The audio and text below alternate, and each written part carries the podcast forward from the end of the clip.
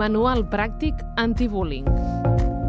Oriol Julià, de CER, Salut i Educació Emocional. Protegir a la víctima. Una vegada estem aturant les agressions, hem de tenir molt en compte com està vivint aquest procés la, la persona que ha entrat en rol de víctima. El nostre objectiu és que s'aturin les agressions. El nostre objectiu és que a partir d'aquí la víctima comenci a estar bé.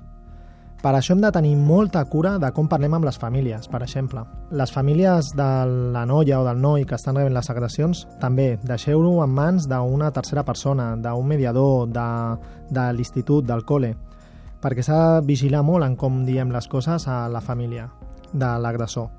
Aquesta, per a que ens ajudi en aquest procés, ha d'aconseguir no veure's afectada, no veure's atacada, i que l'agressor deixi també el seu paper que la família acompanyi el seu fill a deixar aquest paper. La víctima, per altra banda, pot viure aquest procés des de la por, des de què diran. No sempre s'ha de ficar a ella pel mig.